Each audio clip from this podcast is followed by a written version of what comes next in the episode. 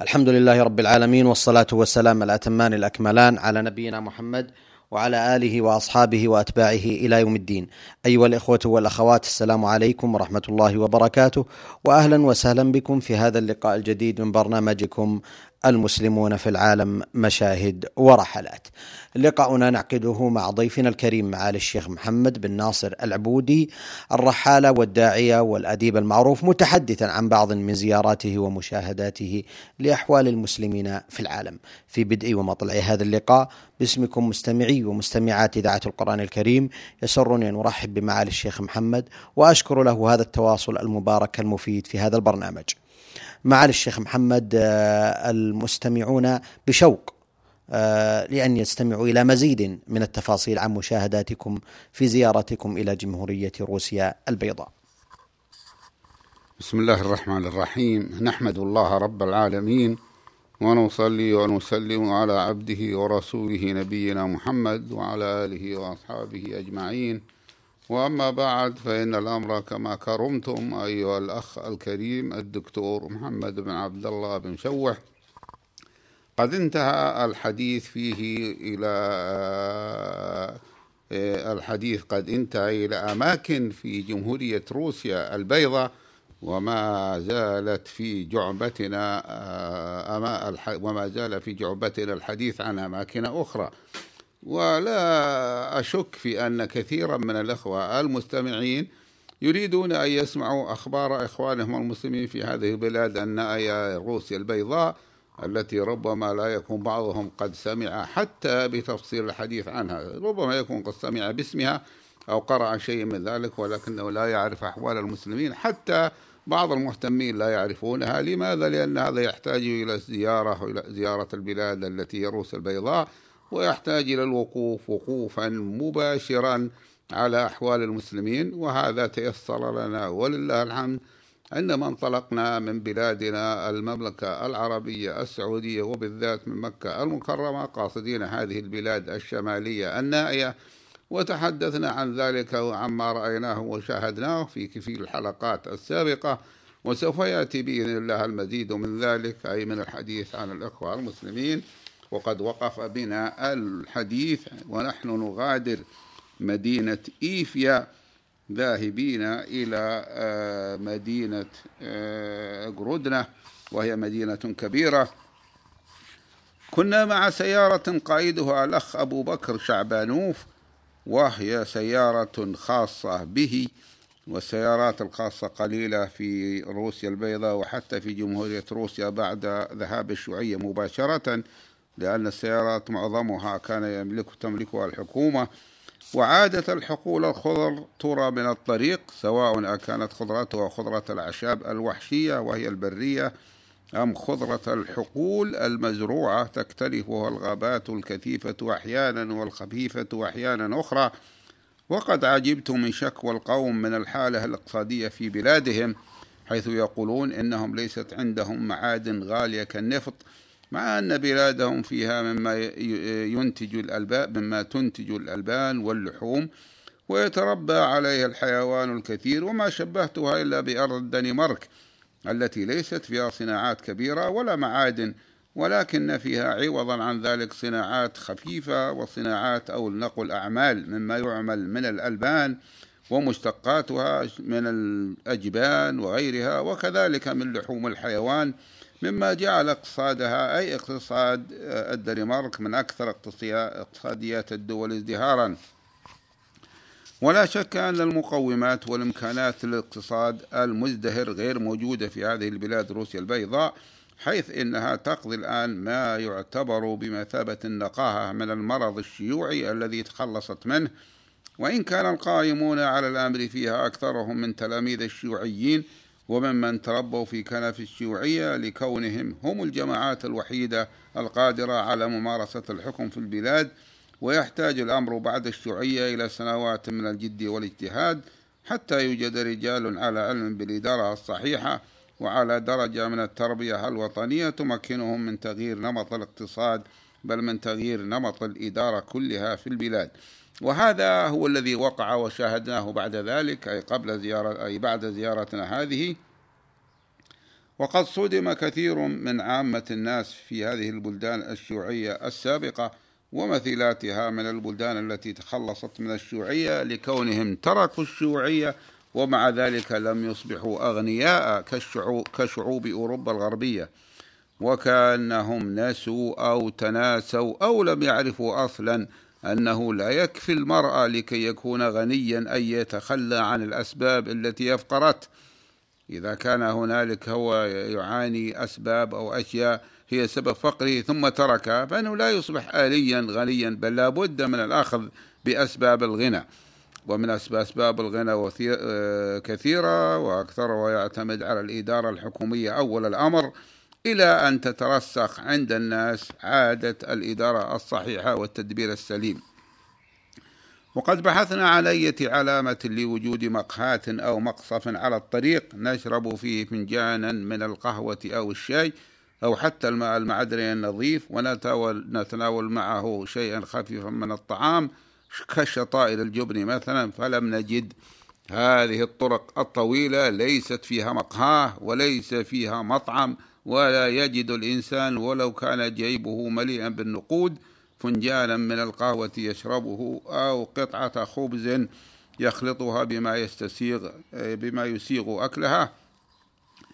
وقال الأخ أبو بكر شعبانوف وهو الخبير بهذه البلاد لأنه من أهلها إنه لا يوجد أي شيء من ذلك إلا بعد حوالي خمسين كيلومترا وعندما وصلنا المكان الذي ذكره بعد خمسين كيلومترا رأينا لافتة عليها رسم شوكة وملعقة تشير إلى طريق متفرع من الطريق ليس على الطريق العام. فعدلنا عن الطريق الذي كنا نسير فيه وهو طريق دولي ينطلق من موسكو وينتظم روسيا البيضاء حتى يصل إلى وارسو عاصمة بولندا. ثم وصلنا إلى المكان المنشود فوجدنا المقهاة المأمولة ولا نقول المطعم وجدنا المقهاه المعمولة في المأمولة وجدنا المقهاة المأمولة فيه مغلقة منذ وقت فكنا بقينا بدون شيء لم نجد لا شيء ولا قهوة ولا أي شيء يؤكل. فعدنا إلى الطريق العام ووصلنا السير متجهين إلى جهة الشمال الغربي وأكوام الأعلاف الضخمة التي حشوها بمعنى قطعوها من الأعشاب الملتفة ترى بكثرة في هذا الطريق الأخضر يدخرونها لماشيتهم في الشتاء حينما لا تستطيع أن ترعى بسبب البرد والثلوج. يعني أنهم هم بلادهم في الشتاء لا تنتج شيئا ولا نستطيع أو لا يمكن أن نصفها بأنها صحراء فقط لأن بلادنا الصحراويات قد يجد البعير فيها في الشتاء ما يأكله قد تجد الشاء الشياه والأغنام ما تأكله مما يتبقى من الأعشاب اليابسة ولكن هذه في الشتاء لا يوجد فيها أي شيء يأكله الحيوان أو أي شيء يأكله الإنسان ولكنهم هم تغلبوا على ذلك بأن يقطعوا يجمعوا الحشائش والأعشاب وغيرها من في من أيام الصيف لأنها تزدهر فيها وتلتف الأعشاب لأن الأمطار كثيرة والثلوج كثيرة والثلوج حقيقة لا تقتل في في الوقت ولكنها آه، إذا جاء الصيف تكون قد آه، أصابت البلاد ويكون تكون البلاد خصبة التي أصابتها الثلوج فيحشون الحشائش ويخزنوها لماشيتهم في الشتاء. هذا هو الفرق بين بلادنا وبلادهم. ولذلك بعض الناس عندما نقول له أن بلادنا صحراء وأن آه، سيبيريا في الصيف جنة يعني بمعنى أنها ملتفة من الأعشاب المزهرة حتى أني رأيت بعض الأعشاب أطول من قامة الرجل وهي أعشاب تنمو على المطر وليست مزروعة. فيعجب ويقول كيف يكون؟ والسبب في ذلك هو ما قلت شدة البرد التي لا يقوم لها شيء في الشتاء. من المناظر المألوفة هنا منظر فتاتين من ذوات الشعر الأشقر. حتى آلة الدوان أكثر شقرة من نساء باريس وهما واقفتان على الطريق. قال لي الأخوة إنهما ترجوان أن تجد من يحملهما بسيارته لأنهما لم تجدا وسيلة أخرى للانتقال. عندهم نظام الانتقال بالحافلات ولكن الحافلات رديئة وقليلة وتبطئ. لذلك يبقى الناس بأعداد كبيرة في الطرق وقد رأيتهم هكذا. هذا والأخ أبو بكر شعبانوف يضغط على صمام الوقود في سيارته فيجن جنونها ولكن الطريق طويل وقد بقي الآن لوصولنا إلى أقردنا خمسين كيلومترا ولم تتغير خضرة الريف ولا وجود الأبقار الكبيرة الحجم الكثيرة العدد. وقد ذكرت حينما رأيتها رابضة وسط هذا الريف الأخضر ما كنت سمعته وأنا صغير من بني قومنا وهو قولهم في وصف العشب الغامر. وفي والربيع الملتف بأن الماشية فيه تربض ضحى تربض ضحى يريدون أنه لكثرته أي العشب لكثرته. إذا بدأت الماشية الرعي فيه في الصباح شبعت في الضحى. بمعنى امتلأت بطونها منه فربضت فيه تاركة للرعي. وقالوا أيضا في مثله يشبع فيها البعير معقول والبعير المعقول هو الذي ربطت يده أو, إحدى أو يداه بعقال. ولذلك قالوا معقول وهو حبل قوي يمنعه من أن يسير على يده فيشبع من العشب وهو معقول بعقاله لا يحتاج في طلب المرعى إلى أن يسير. هذا آه، مثل عندنا لكنه لا يتحقق إلا في سنين قليلة لأن الأعشاب الغامرة الكثيرة التي تشبع الماشية بدون أن تتنقل في البحث عنها هي قليلة يعني تأتي في سنوات آه، ليست لا تأتي كل سنة. إلى جانب الأبقار وهنا ينبغي أن نقول أنه لا يوجد بعير أصلا ولا واحد. لماذا؟ أنا سألتهم لماذا البعير أشبه ما يكون بالمخزن للحم والشحم؟ أو نقول أنه أشبه ما يكون بالمصنع للحم والشحم؟ ولديكم وقود المصنع من هذه الأعشاب قال والبعير لا يعيش عندنا لأنه لا يصبر على البرد الشديد. فالحيوان الأبقار تصبر على البرد أكثر من البعير نوعا ولكنهم يضعون لها حظائر في الشتاء خاصة وبعضهم يدفونها اشتد البرد بالدفء. أما البعير فإنه لا يقوى على ذلك ولا يقوون هم على ترويضه إذا اشتد البرد. والأهم من ذلك أنه يموت إذا اشتد البرد. وقد قال لنا أهلنا من الشيوخ وكبار السن إن البعير يبرد كما يبرد ابن آدم وإن أول ما يبرد منه هو ذيله. على أي حال البعير لا يستطيع البرد ولذلك آه، خص بالوجود في الصحراء وفي البلاد الحارة ولله في خلقه شؤون. قبيل الساعة السادسة عصرا دخلنا بلدة تسمى إسكيدل وتبعد عن مدينة إقرودنا التي نقصدها ثمانية عشر كيلو مترا وهذه البلدة فيها عدد قليل من المسلمين هاجروا إليها منذ فترة قريبة. ولذلك ليس لهم فيها مسجد وعند مدخلها شاهدنا جماعة من الناس قد تجمعوا للقط البطاطس لأن هذا هو موسمه كما تقدم. ولقط البطاطس في هذه البلاد الشمالية مثل لقط الزيتون في البلاد المعتدلة كالبلدان العربية أو مثل مثل أذربيجان. لماذا؟ لأن له موسم إذا ترك في مكانه يفسد. والبطاطس في هذه البلاد مادة رئيسية يستهلكها الناس أكثر مما يستهلكون الخبز ويصنعون منه أنواع معينة من الطعام يستعملونه في عدة. لا داعي إلى تفصيلها وإلا نحن جربناها عندهم آه، أنواع من الطعام التي تستخرج من البطاطس أو التي يصنع البطاطس من ذلك الطعام. في هذه البلدة مصنع للسكري كبير على يسار الطريق وذلك لأن البلدة تزرع مقادير كبيرة من الشمندر الذي يستخرج منه السكر.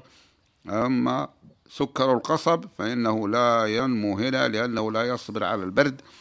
وعلى ذكر السكر أوضح لنا الإخوة المرافقون أن القوم هنا أي في روسيا البيضاء يسمون السكر مثل ما هو عليه بالعربية سكر.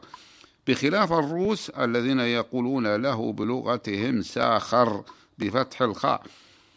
ولكنه ساخر لا تخرجه أو لا تضيع أصله العربي الذي هو السكر ولاحظت أن كلمة سكر ذات حظ عظيم فهي موجودة في البرتغالية بلفظ السكر بالتعريف وهذا نفعني في أمريكا الجنوبية وكذلك في الإسبانية وهذه من الكلمات ذات الحظ.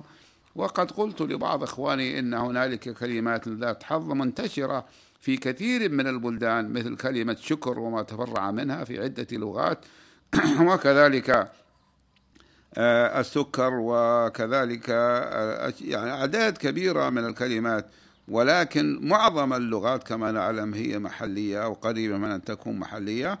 كما رأينا عند المدينة التي هي مدينة آه، سكيدل أكوام التبن المتخلف من زراعة القمح في مقادير ضخمة لأن القمح عندهم لا تكلف زراعته شيئا فهم لا يسقونه مطلقا وإنما يبذرونه قبل سقوط الشمس آه، قبل سقوط الثلج.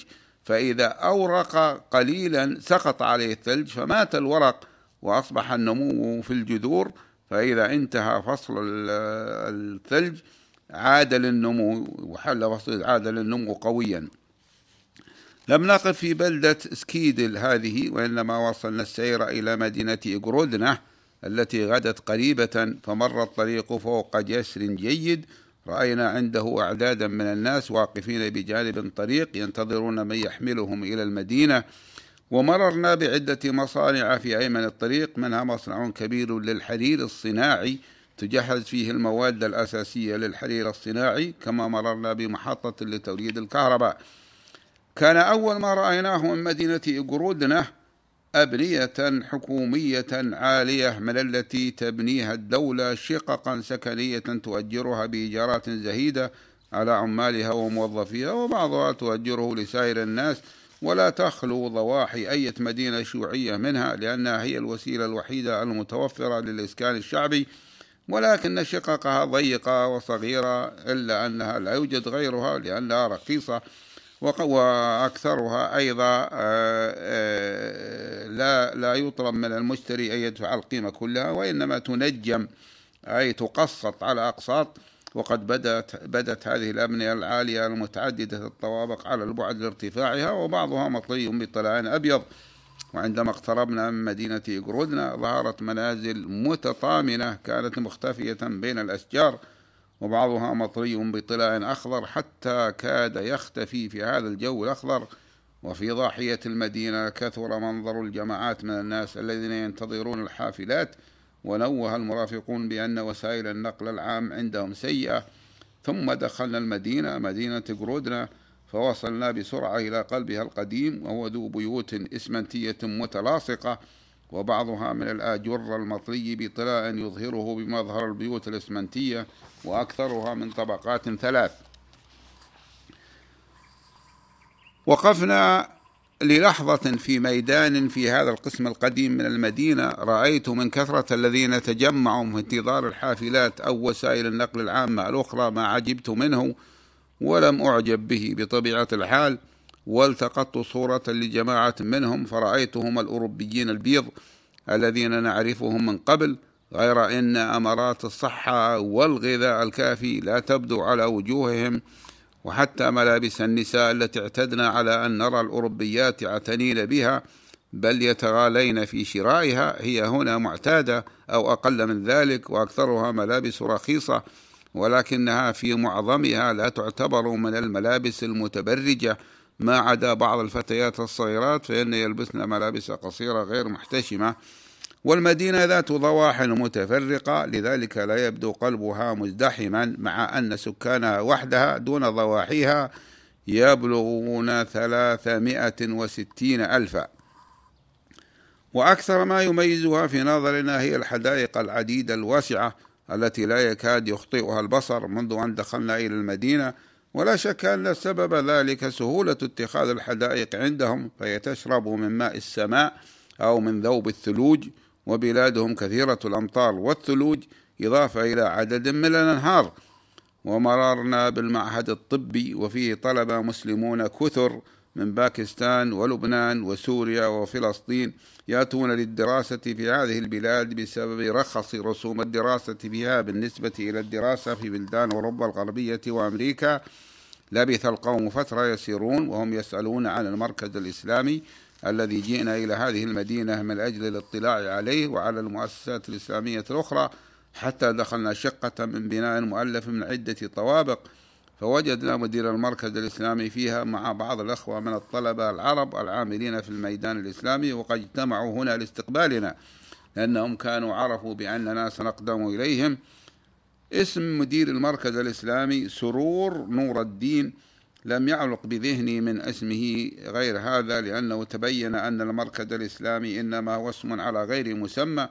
وإن كان بعض الإخوة محب الخير من العرب قد نوهوا به لقلة المراكز الإسلامية في المنطقة وحاجة المسلمين الماسة إلى ما يعلمهم أمور الدين إذ ران عليهم جهل مستطير بأمور الدين بسبب العزلة القاسية التي مروا بها منذ أكثر من خمسة قرون ثم بسبب الحكم الشيوعي بعد ذلك الذي حارب الدين ودعا إلى الإلحاد بسائر وسائل الإعلام التي يملكها ولا يملك المسلمين المسلمون منها شيئا. بل إنهم حوربوا حتى من لم يعمل منهم لمجرد أن بقوا مسلمين. والمراد بذلك أيام الشيوعية التي ولت إلى غير رجعة إن شاء الله. أما الآن فإنهم أحرار في شؤون دينهم ولكن هذه الحرية يحد منها عدم القدرة وعدم الإمكان على تحسين أوضاعهم المالية. كان الاجتماع في شقة في مسكن الأخ الطالب إبراهيم الوادية من فلسطين وكان من بين الحاضرين الأخ محمد أبا زيد من الشبان العرب العاملين في حقل الدعوة الإسلامية وهو ممثل منظمة سار في جرودنا وسار هي المؤسسة الخيرية التي تقوم على تبرعات شركة الراجحية المصرفية للاستثمار. كما حضر الأخ ألكسندر ألكسندروفيتش عضو مجلس دار الإفتاء في روسيا البيضاء ويمثل المسلمين يقردنا في المجلس المذكور. تحدث المجتمعون عن تاريخ الوجود الإسلامي في المنطقة فأكدوا أنه قد مضت على ابتدائه 600 سنة وأن المسلمين الآن أغلبهم من التتار من بقايا دولة ألتون أردة المسلمة. ومعنى ألتون أردة القبيلة الذهبية. وهذا هو المعروف عن المسلمين في هذه البلاد لكن الشيء المؤسف هو ما ذكروه أنه لا يوجد في هذه المدينة مسجد رغم كون المسلمين فيها يقدر عددهم بألفي شخص وهم غير المسلمين الذين يقيمون فيها بصفة مؤقتة مثل الطلاب ونحوهم. ومما ينبغي ذكره هنا أن سكان مدينة لا يبلغ عددهم في الوقت الحاضر 360 ألف نسمة. وذكروا أنه كان يوجد في المدينة مسجد قبل العهد الشيوعي إلا أن الشيوعيين هدموه وأزالوه من الوجود وبذلك خلت المدينة من أي مسجد. ومع أن هذا أمر مؤسف حقا فإن المؤسف أيضا أن المسلمين لم يغتنموا الفرصة السانحة التي وجدت بعد سقوط الشيوعية وهي السماح ببناء المساجد وإلغاء الحظر على الشعائر الدينية وهي الفرصة التي انتهزها انتهزها إخوة لهم كثر فيما كان يسمى بالاتحاد السوفيتي السابق. ولا تقام الجمعة إلا في غرفة من غرف المعهد الطبي في المدينة حيث استأجر الطلاب المسلمون قاعة يقيمون فيها صلاة الجمعة وقال أحدهم بعد ذلك أنهم يصلون في القاعة بالمجان ولا يحضر الجمعة إلا حوالي خمس وثلاثين مصليا. وتحدث سرور نور الدين على المركز الإسلامي الذي ذكر أنه أسسه وأنه يقوم بعمله. فذكر أشياء هي إلى المبالغة أقرب منها إلى الحقيقة وتدل على ضعف المسلمين وقلة العمل الإسلامي في هذه المدينة. فذكر أن لديهم أعدادا من المسلمين حتى من الطيارين ولكنه أفاد عندما سألناه بأن المركز ليس فيه جمعة ولا جماعة وليس لديه برنامج لبناء مسجد ولا يوجد فيه تدريس للأطفال المسلمين ولا تعليم للكبار ثم اعترف أخيرا بأن المركز الإسلامي نفسه لم يعد موجودا لأنهم لم يستطيعوا أن يحصلوا على الأجرة اللازمة له بعد أن كان أحد المحسنين هو الذي يدفعها. ومن الطريف أن الرجل قال إننا نستعد لاستقبال أطفال البسنة لنعلمهم الإسلام. فعلق أحد الحاضرين على ذلك بقوله بل, بل ليعلموكم الإسلام. ولم يستنكروا ذلك لضحالة ما لديهم من الإسلام غير الإسم. ونحن لا نذكر ذلك لمؤاخذتهم أو التشنيع عليهم لأننا نعرف الظروف القاسية التي كانوا مروا بها في الماضي وإنما لنبين حالتهم الحقيقية ولنحث القادرين من إخواننا المسلمين على مساعدتهم للإسراع بذلك.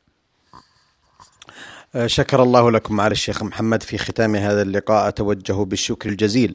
بعد شكر الله سبحانه وتعالى إلى معالي ضيفنا الشيخ محمد بن ناصر العبودي والذي تحدث إليكم عن بعض من مشاهداته وزياراته لأحوال المسلمين في العالم. نلقاكم أيها الإخوة والأخوات على خير في مثل هذا اليوم من الأسبوع القادم. وهذه تحية من محدثكم محمد بن عبد الله مشوح. والسلام عليكم ورحمة الله